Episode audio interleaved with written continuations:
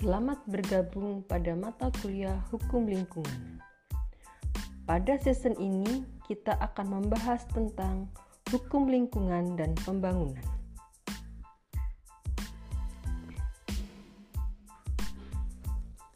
Melihat kondisi lingkungan hidup sekarang ini, perlu pentingnya perlindungan lingkungan. Maka, isu lingkungan semakin penting dalam proses perumusan kebijakan. Pertumbuhan ekonomi harus diletakkan dalam kerangka perlindungan lingkungan karena pada intinya pembangunan adalah pembangunan yang berkelanjutan.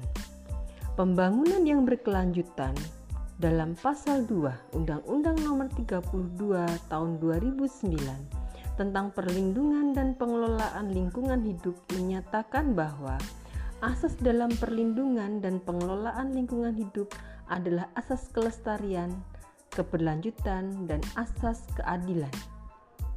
Penjelasan pasal 2 bahwa setiap orang memikul kewajiban dan tanggung jawab terhadap generasi mendatang dan terhadap sesamanya dalam satu generasi dengan melakukan upaya pelestarian daya dukung ekosistem dan perbaikan kualitas lingkungan hidup. Proses pembangunan berkelanjutan dimulai pada tahun 1983 oleh Majelis Umum PBB dan dilanjutkan pada tahun 1987 World Commission on Environmental and Development menemukan istilah Sustainable Development. Dalam perkembangannya, pada tanggal 3 sampai 14 Juni 1992 di Rio de Janeiro, Brasil yang dihadiri oleh para kepala negara di seluruh dunia yang diberi nama United National Conference on Environmental and Development yang menghasilkan lima dokumen serta satu institusi yang penting bagi pembangunan berkelanjutan yaitu satu Rio Declaration 2 Agenda 21 3 prinsip-prinsip kehutanan, 4. Konvensi tentang keanekaragaman hayati, 5. Konvensi mengenai perubahan iklim, yang keenam, Commission on Sustainable Development, sebuah komisi yang diciptakan untuk memantau pelaksanaan kesepakatan Rio dan Agenda 21. Bagaimana pembangunan berkelanjutan di Indonesia? Pada tahun 1982, Indonesia mengeluarkan Undang-Undang Nomor 4 Tahun 1982 tentang ketentuan pokok lingkungan hidup. Kemudian diganti dengan Undang-Undang Nomor 23 Tahun 1997 tentang pengelolaan lingkungan hidup, kemudian diganti dengan Undang-Undang Nomor 32 Tahun 2009 tentang perlindungan dan pengelolaan lingkungan hidup. Bagaimana fungsi hukum dalam kaitannya dengan hukum lingkungan dan pembangunan? Yang pertama adalah fungsi hukum sosial kontrol, di mana preventif atau mencegah menangkal terjadinya pencemaran perusakan lingkungan. Yang kedua adalah fungsi hukum sebagai sarana perubahan sosial menuju masyarakat yang dicita-citakan, di mana uh, sebagai sarana preventif penindakan hukum bagi perbuatan-perbuatan yang merusak atau mencemari lingkungan. Bagaimana permasalahan lingkungan dalam pembangunan Indonesia sampai sekarang ini? Hal yang penting dan sederhana yang bisa kita lakukan adalah menjaga kesadaran kita untuk menjaga lingkungan agar dapat dinikmati oleh generasi sekarang hingga generasi yang akan datang. Terima kasih.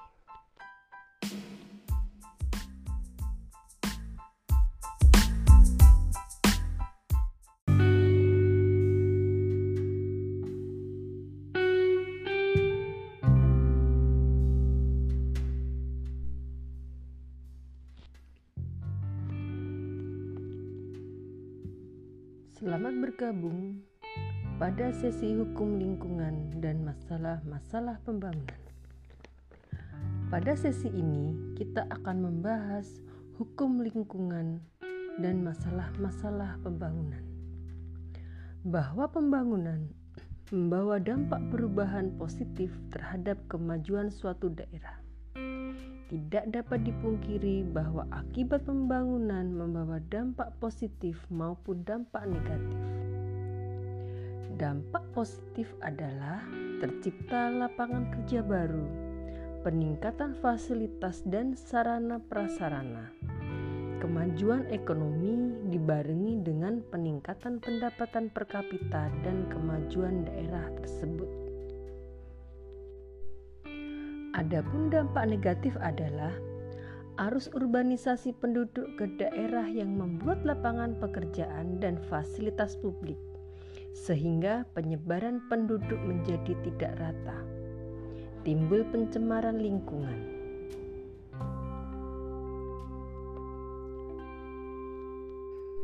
Masalah pencemaran air, pencemaran udara, dan pencemaran tanah.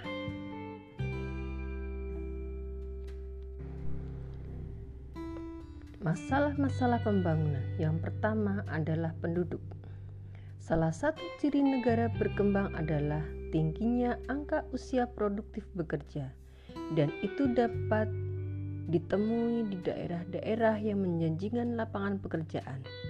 Sehingga masalah yang timbul seperti satu penetapan kawasan perumahan. Kawasan padat penduduk di sekitar pabrik menimbulkan masalah-masalah sanitasi air, pembuangan limbah rumah tangga.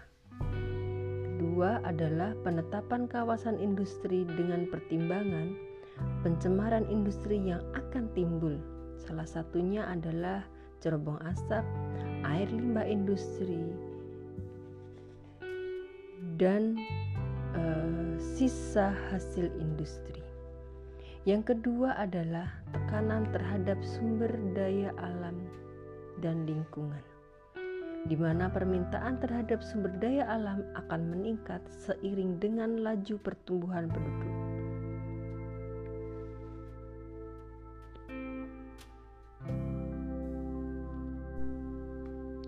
Yang ketiga adalah penyesuaian teknologi dan kebudayaan.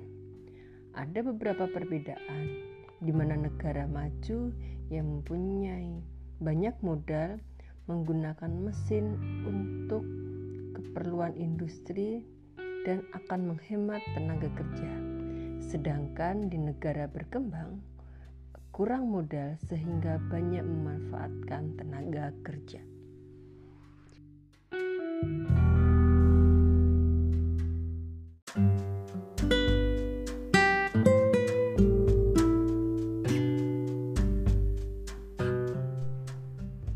Konsep hukum pertambangan Hukum pertambangan menurut Salim HS adalah keseluruhan kaidah yang mengatur kewenangan negara dalam pengelolaan bahan galian atau tambang dan mengatur hubungan hukum antara dengan negara, dengan orang dan atau badan hukum dalam pengelolaan dan pemanfaatan bahan galian. Pasal 1 ayat 1 Undang-Undang Nomor 4 Tahun 2009 tentang mineral dan batu bara Izin usaha pertambangan adalah izin yang diberikan untuk mengelola pertambangan yang merupakan kewenangan dari pemerintah. Izin usaha pertambangan (IUP) operasi industri adalah izin yang diberikan untuk kegiatan konstruksi penambangan, pengelolaan, dan pemurnian serta pengangkutan dan penjualan dalam rangka pertambangan. Izin usaha Pertambangan operasi produksi diberikan kepada badan usaha, koperasi, atau persorangan sebagai peningkatan dari kegiatan eksplorasi. Pada konsep pertambangan baru menurut Undang-Undang Nomor 4 Tahun 2009 tentang mineral dan batu bara, izin usaha pertambangan dan di wilayah izin usaha pertambangan dan tidak dipergunakan lagi perjanjian kontrak karya bagi investor pertambangan umum yang mengajukan izin usaha pertambangan umum. Selain izin usaha pertambangan di atas, terdapat juga izin pertambangan rakyat untuk melakukan aktivitas pertambangan di wilayah pertambangan rakyat. Dan ada izin usaha pertambangan khusus untuk melaksanakan aktivitas kegiatan pertambangan di wilayah izin usaha pertambangan khusus. Menurut Undang-Undang Nomor 4 Tahun 2009 tentang Pertambangan Mineral dan Batu Bara sebagai sumber daya alam yang tak terbarukan, merupakan kekayaan nasional yang dikuasai oleh negara untuk sebesar-besarnya kesejahteraan rakyat. Seperti yang diamanahkan dalam Pasal 33 ayat 3 Undang-Undang Dasar 1945 tentang bumi dan kekayaan alam dikuasai oleh negara dan digunakan sebesar-besarnya untuk kemakmuran rakyat. Sehingga tujuan pengelolaan mineral batu bara oleh negara adalah yang pertama, menjamin efektivitas pelaksanaan dan pengendalian kegiatan usaha pertambangan secara berdaya guna berhasil guna, dan berdaya saing. Yang kedua, menjamin manfaat pertambangan mineral dan batu bara secara berkelanjutan dan berwawasan lingkungan hidup. Yang ketiga, menjamin tersedianya mineral dan batu bara sebagai bahan baku dan atau sebagai sumber energi untuk kebutuhan dalam negeri. Yang keempat, mendukung dan menumbuh kembangkan kemampuan nasional agar lebih mampu bersaing di tingkat nasional, regional, dan internasional. Yang kelima, meningkatkan pendapatan masyarakat lokal, daerah, dan negara, serta menciptakan lapangan kerja untuk sebesar-besarnya kesejahteraan rakyat. Yang keenam, menjamin kepastian hukum dalam penyelenggaraan kegiatan usaha pertambangan mineral dan batu bara. Kebijakan penting dalam Undang-Undang Nomor 4 Tahun 2009 tentang pertambangan mineral dan batu bara adalah yang pertama, mineral dan batu bara sebagai sumber daya yang tak terbarukan dikuasai oleh negara dan pengembangan serta pendaya gunaannya dilaksanakan oleh pemerintah dan pemerintah daerah bersama dengan pelaku usaha. Yang kedua, pemerintah selanjutnya memberikan kesempatan kepada badan usaha yang berbadan hukum Indonesia, koperasi, perseorangan maupun masyarakat setempat untuk melakukan pengusahaan mineral dan batu bara berdasarkan izin yang sejalan dengan otonomi daerah diberikan oleh pemerintah dan atau pemerintah daerah sesuai dengan kewenangannya masing-masing. Yang ketiga, dalam rangka penyelenggaraan desentralisasi dan otonomi daerah, pengelolaan pertambangan mineral dan batu bara dilaksanakan berdasarkan prinsip eksternalitas, akuntabilitas, dan efisiensi yang melibatkan pemerintah dan pemerintah daerah. Yang keempat, usaha pertambangan harus memberi manfaat ekonomi dan sosial yang sebesar-besar bagi kesejahteraan rakyat Indonesia. Yang kelima, usaha pertambangan harus dapat mempercepat pengembangan wilayah dan mendorong kegiatan ekonomi masyarakat atau pengusaha kecil dan menengah, serta mendorong tumbuhnya industri penunjang pertambangan. Yang keenam, Kegiatan usaha pertambangan harus dilaksanakan dengan memperhatikan prinsip lingkungan hidup, transparansi, dan partisipasi masyarakat untuk menciptakan pembangunan berkelanjutan.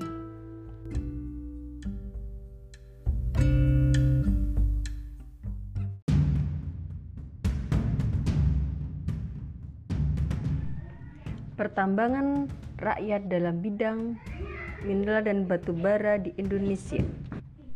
Sektor pertambangan di Indonesia merupakan sektor yang berfungsi mendapatkan devisa negara paling besar. Namun keberadaan kegiatan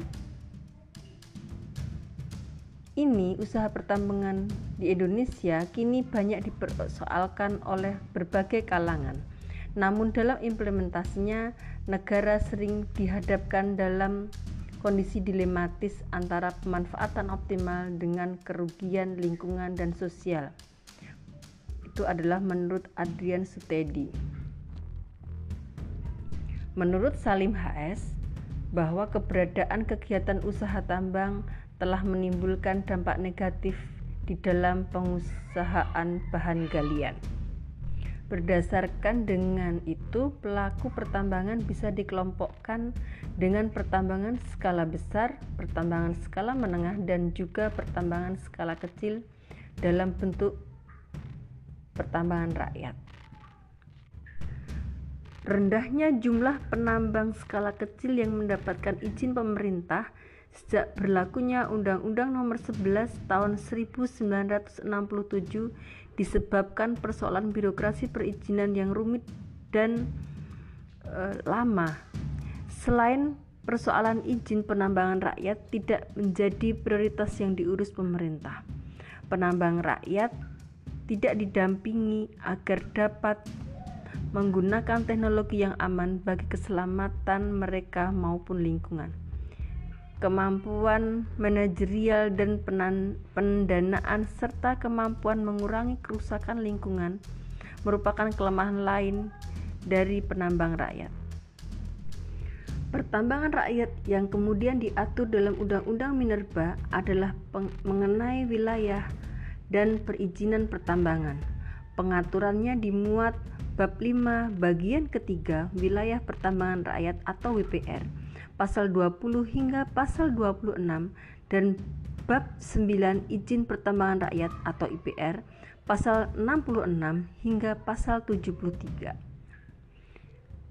Meskipun Undang-Undang Minerba menyebutkan bahwa penetapan wilayah pertambangan dilaksanakan secara partisipasi, memperhatikan aspirasi daerah serta memperhatikan aspirasi masyarakat, namun, undang-undang ini memiliki kelemahan dalam implementasinya, yaitu pengakuan hak masyarakat atas ruang lingkup. Kawasan masyarakat secara sepihak dijadikan kawasan pertambangan, termasuk mengabaikan pertambangan rakyat yang merupakan hak hidup mereka. Eh, sehingga muncul eh, pertambangan rakyat yang dihubungkan dengan hukum adat. Pertambangan rakyat yang dihubungkan dengan hukum lingkungan dan pertambangan rakyat yang dihubungkan dengan hukum agraria karena masing-masing uh, hukum berbeda cara pandangnya. Uh, kenapa hukum pertambangan dihubungkan dengan hukum adat? Karena uh, sebagian hak ulayat, hak atas tanah adat dapat digunakan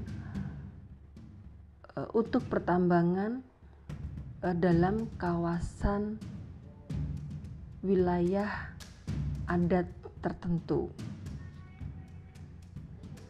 Sedangkan berdasarkan hukum agraria bagaimana uh, hak perolehan hak atas tanah dari hak ulayat itu seperti apa dan hukum lingkungan terkait dengan pengelolaan lingkungan pasca tambang yang sering diabaikan oleh penambang rakyat.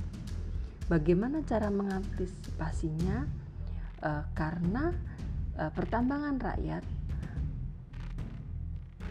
akan diatur kembali sesuai dengan e, wilayah daerahnya menggunakan undang-undang otonomi daerah.